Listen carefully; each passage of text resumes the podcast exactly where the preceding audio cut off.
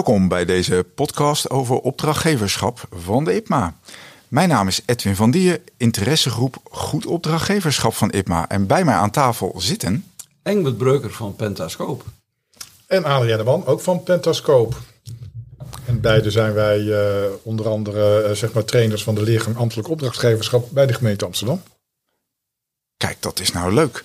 Uh, het geven van trainingen bij een gemeente, dat is natuurlijk wel interessant. Ik werk uh, buiten dat ik bij die interessegroep aangesloten zit, werk ik ook bij een gemeente, de gemeente Dordrecht.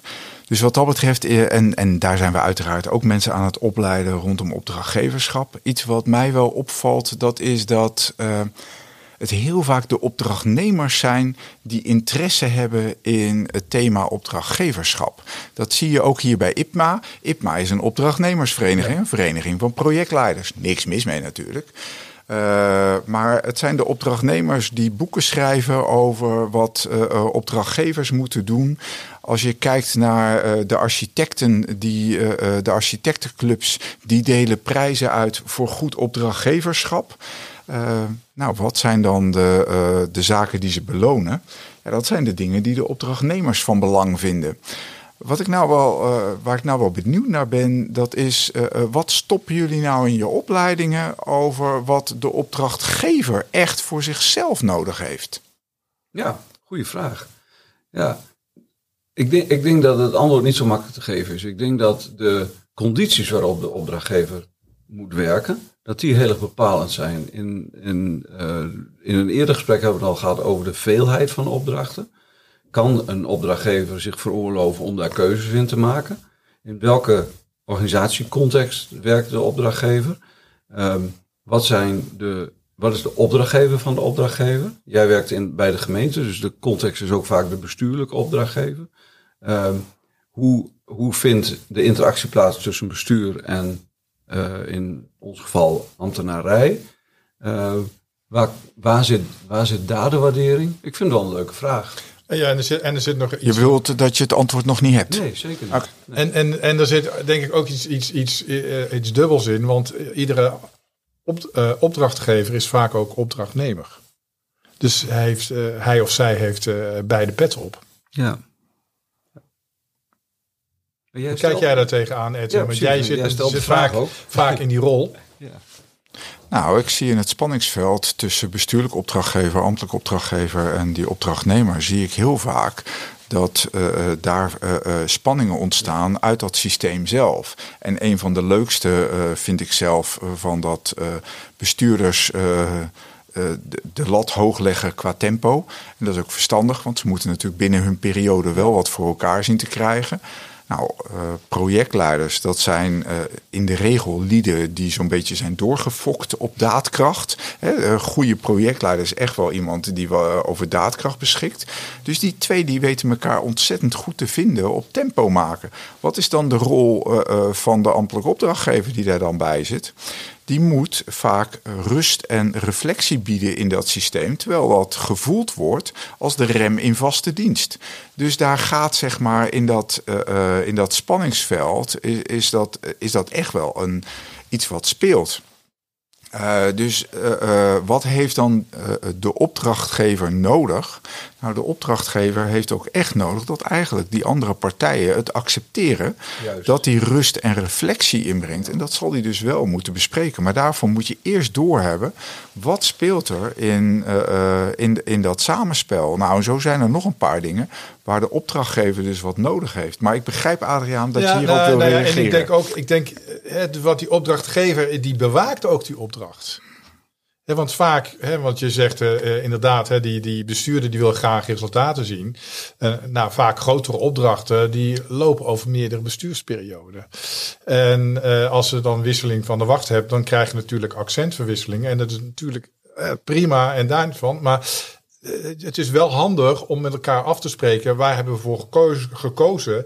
En komt er nou een koerswijziging? Wat betekent dat dan voor die opdracht? En daar is het denk ik goed voor dat, uh, hè, dat die opdrachtgever dat ook proces bewaakt. En niet alleen maar denkt van goh, als een, die projectleider denkt van oh nou oké, dan gaan we linksaf, dan gaan we linksaf en dan gaan we die kant wel op. Maar nee, dat hij zegt oké, dit was de bedoeling uh, wat we gaan realiseren. En nou ja, daar sta ik voor en dat bewaak ik. Uh, tenzij er dus daadwerkelijk echt andere keuzes gemaakt worden. Dan is het logisch dat er een verandering plaats gaat vinden. Ja. En, en, en je hebt het over de condities erin van wat heeft een opdrachtgever dan nodig. Hè? Dus de eerste is het begrip, hoor ik jou zeggen. En hier, hier zit weer ruimte in. Hè? Dus, de, dus wat, als we hier nou eens de vijf punten van wat heeft een opdrachtgeverschap voor, wat heeft een opdrachtgever nodig is, dan hebben we hier nu één of twee punten te pakken. De, de, eerste is begrip voor de positie, waardoor hij kan vertragen. Het tweede is begrip voor de positie, zodat hij kan prioriteren. Zijn er dan nog meer? Nou, ik denk dat wat een opdrachtgever sowieso nodig heeft, dat is uh, een goede visie over wat er uh, behaald moet worden, waarom uh, dat behaald moet worden en op welke manier. Dus dat zijn, uh, want de manier waarop, ja. daar moet je natuurlijk ook een visie op hebben. Hoe wil je dat bereiken? En ik denk dat dat in ieder geval ook wel iets is wat je als opdrachtgever nodig hebt. En waar je dus ook uh, op het moment dat die visie ontwikkeld wordt, waarbij je dus ook aan tafel moet gaan zitten.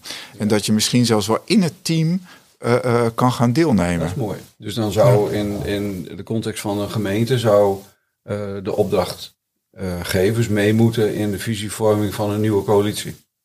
Nou, of het bij een nieuwe coalitie is, dat is eventjes de vraag. Nou ja, maar ik wil even fantaseren. Nou, maar ik wou hem wat concreet houden bij een project. Ja? Dus op het moment dat je, zeg maar, uh, dat er een nieuwe coalitie gevormd is en die coalitie heeft andere prioriteiten, dan zou het natuurlijk zo kunnen zijn van dat, dat dat ook betekent ja. van dat je visie op de uitvoering van een bepaald project aangepast moet ja. worden. Nou, in mijn beleving moet je dan als ambtelijk opdrachtgever gewoon aan tafel zitten.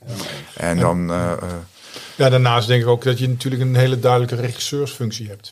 En wat jij bent, je zegt al, een soort, toch een beetje een soort spin in het web in het geheel om ervoor te zorgen dat die verschillende partijen, verschillende betrokkenen op een goede manier met elkaar gaan samenwerken. Omdat ja, die hebben ook weer hun eigen belang daarin. Dus hoe zorg je ervoor dat alles goed op elkaar is afgestemd uh, en dat je gezamenlijk naar het resultaat toe gaat. En, en ja, en in mijn beleving zit dat ook heel sterk in het programmeren van de besluitvorming. En dat je in de smiezen houdt of die besluitvorming goed geprogrammeerd wordt. Dat de juiste mensen geadviseerd hebben. Dat uh, de, uh, de juiste partijen ook besloten hebben over, van wat, uh, over allerlei randvoorwaardelijke zaken. Mm -hmm. En dat dat in de juiste volgorde gebeurt.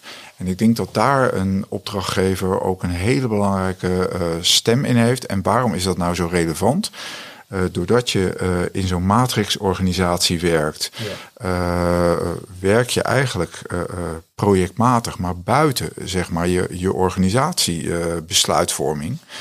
Dus je kan niet automatisch naar de chef lopen om te vragen van is dit goed? En zo ja, uh, naar de chef van de chef uh, van is die het er ook mee eens? Dan zijn we er. Nee, je zal dat iedere keer in zo'n project zal je het rondje moeten maken van wie hebben we er allemaal bij nodig? En dat ja. kunnen mensen in je organisatie zijn en partijen buiten, bijvoorbeeld vergunningverleners of leveranciers die ook mee moeten beslissen. Of uh, uiteraard gewoon samenwerking met uh, andere partijen in de stad via participatie. Ja. ja, en dat zal op een goede manier geprogrammeerd moeten worden. Dus wat heeft een opdrachtgever daarvoor nodig om dat te kunnen doen? Nou, in ieder geval positie uh, aan tafel, zodat hij kan, uh, kan kijken van is het goed voorbereid? Ja. Uh, je kan dat als opdrachtgever natuurlijk vragen aan je opdrachtnemer om daar een voorstel voor te doen. Vervolgens moet je natuurlijk even kijken van uh, ben je tevreden met datgene wat wordt aangeleverd. En daarnaast denk ik ook wat wel een issue is, is dat je hè, voldoende kennis hebt van het vakgebied. Ja, vind je dat? Ja, ik denk uh, een beroemd voorbeeld in, uh, in, in Nederland in ieder geval, uh, wat, wat ook door zelf werd verteld, dus daar weet ik het ook. Rijkswaterstaat, die op een gegeven moment uh, eigenlijk te weinig kennis had over wat er allemaal speelde, omdat die kennis was verdwenen of wat dan ook uit de organisatie. En dat ze toch achterkomen van ja, we moeten wel kunnen blijven praten met alle toeleveranciers over alle technologie, nieuwe technologieën die er zijn, om, om, om te weten of dat ook daadwerkelijk gaat werken. Dus ik denk dat je dus in die zin kennis nodig hebt van, om te kunnen begrijpen van hoe dat proces werkt. Uh, Ja, ik en dat je altijd- gesprekspartner bent.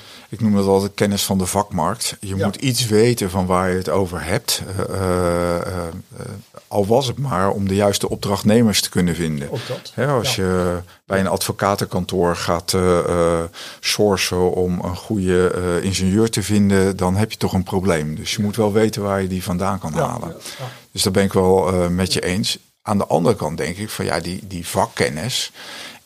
Bij een gemiddeld project tegenwoordig zijn zoveel specialismen betrokken. Dat vakkennis van het totaal, dat is een illusie. Ja, maar je hebt het ook over het niveau van vakkennis natuurlijk. Het Ja. gaat wel om als je affiniteit en enige kennis hebt van. Hè, dus ook daarvoor geldt weer, komt weer terug. Ook als opdrachtgever heb je wel kennis nodig van de leefwereld, van Het waar het echt ja. om gaat. Het is een beetje, je moet het T-profiel van Mathieu Weggeman. Ja, ja, dat klopt. Ja. Het T-profiel van Mathieu Weggeman. Ja, die noemt dat in zijn verhalen is dat je dus eh, hè, als, als je bent wel een, een, specialist, maar je moet in ieder geval naar links en rechts kunnen kijken om dat vakgebied ook een beetje te begrijpen. Maar je bent hè, als chirurg, als hartchirurg. Eh, eh, is het wel handig om te weten dat hè, bepaalde andere zaken in het lichaam, hoe dat is. Maar daar ben jij niet de, de specialist in om eh, operaties te kunnen doen. Maar je moet wel begrijpen hoe dat proces werkt. En het T-profiel is dat je dus hè, naar links en rechts gaat kijken. En hè, de, de, de, hè, de, de punt naar beneden, is, dat is dan jouw specialisme. Dus dat is een Ja, en beetje... dan, dan, dan, dan denk ik toch wel van, ik weet niet of ik het goed interpreteer natuurlijk, want deze thee eh, krijg ik voor het eerst geserveerd. Maar ik eh, denk dan toch eerder aan van dat ik die eh, hartchirurg eh, toch een eh, opdrachtnemer eh, vind. Nee, daarom... En een, ja. een specialist die het zaakje uitvoert en Ja. hopelijk ook goed en kundig. ja, maar je zou de T van de opdrachtgever wel zijn opdrachtgeverschapvak kunnen noemen. ja. De stam van de T in dit geval. Nee, geen idee. Het vak opdrachtgeverschap is ook een vak, een specialisme. Ja, dat vinden jullie? Ja, het is een vak, een functie, een rol, een vaardigheid. Ja, Ja, toch is het. eh, eh, kijk, ik ben het direct mee eens van dat het een rol is. Eh, er zijn uiteraard mensen die het voortdurend uitvoeren en die- waar dan ook weer functies bij ontstaan. Dus naarmate de organisatie groter is, zie je meer gespecialiseerde mensen die dat dan gaan doen. Soms heten ze in naam nog programmamanager, maar zijn ze fulltime opdrachtgever. Dus dat herken ik natuurlijk wel. Eh, maar eh, de, de vraag voor mij is nog wel even van wat is nou het vak? Gaat het over, over leiding geven aan een ontwikkeling? Eh, en, en doe je dat dan vanuit een rol als opdrachtgever? Of is, is het opdrachtgeverschap SEC de, rol, de rol en de functie? Ja, misschien. Ik, ik, ik, ik, denk dat je in de jaren tachtig begon, hè, eh, van de vorige eeuw begon natuurlijk projectmanagement op te komen. Ik denk dat je eh, projectmanager, dat je dat tegenwoordig wel een vak kunt noemen. Oh, je stelt die vraag aan mij. Ja, dat ja. mag. Dat Ja. mag. Zeker bij. IPMA. Ja. Nee, nou, en dan denk ik, hè, dus programmamanagement is een rol die weer later kwam en vervolgens opdrachtgeverschap. Dus ik denk dat vak opdrachtgeverschap, dat is vrij recent ontstaan en dat is een ontwikkeling. Maar ik denk in die zin, en daar ben ik met Engbert één, is dat het een vak is en dat het eh, ervoor zorgt, dat jij ervoor zorgt dat je die resultaten kunt behalen, dat je die visie houdt, hè, eh, die scope eh, gaat, in de gaten houdt. Eh, en, en dat je de regie kunt voeren eh, op het totale proces. ik voel de volgende podcast aankomen over eh, wat is opdrachtgeverschap? Een rol, een functie, een vaardigheid of een vak? Nou, in ieder geval mijn definitie in Nederland van een vak. Als je eh, zeg maar een vak hebt, dan heb je in Nederland altijd een vakgenootschap, een vereniging van vakgenoten. Ja. En die is er nog niet. En daarom, dus voor de mensen die het oneens met mij willen zijn over en vinden van dat het daadwerkelijk een vak is, mijn uitnodiging richt gewoon meteen die vereniging op en dan ben je, in mijn beleving is het ook echt een vak. Eh, ik vond dit een eh, interessant gesprek, heren. Eh, dank hiervoor. En eh, is er nog iets van wat jullie nog aan eh degenen die deze podcast hebben beluisterd kunnen meegeven? Nou, haal de, de leerpunten er even uit voor jezelf. Want we hebben een aantal genoemd volgens mij. Een aantal condities waarop, waar, eh, waarop een opdrachtgever goed kan werken. Maar ik vind het ook leuk om van de luisteraars terug te horen. In de show notes komt vast wel een e-mailadres. Wat vinden zij nou wat een opdrachtgever nodig heeft? Dus ik heb een vraag. Oké, maar volgens mij uh, zou je er ook een blog over kunnen maken op jullie website uh, pentascope.nl. Dat lijkt me een uitstekend idee. Bedankt voor de tip, pentascope.nl. Daar vind je leuke verhalen. Oké. Hartstikke mooi. Heren, dank. En uiteraard dank aan IPMA voor het mogelijk maken van deze podcast.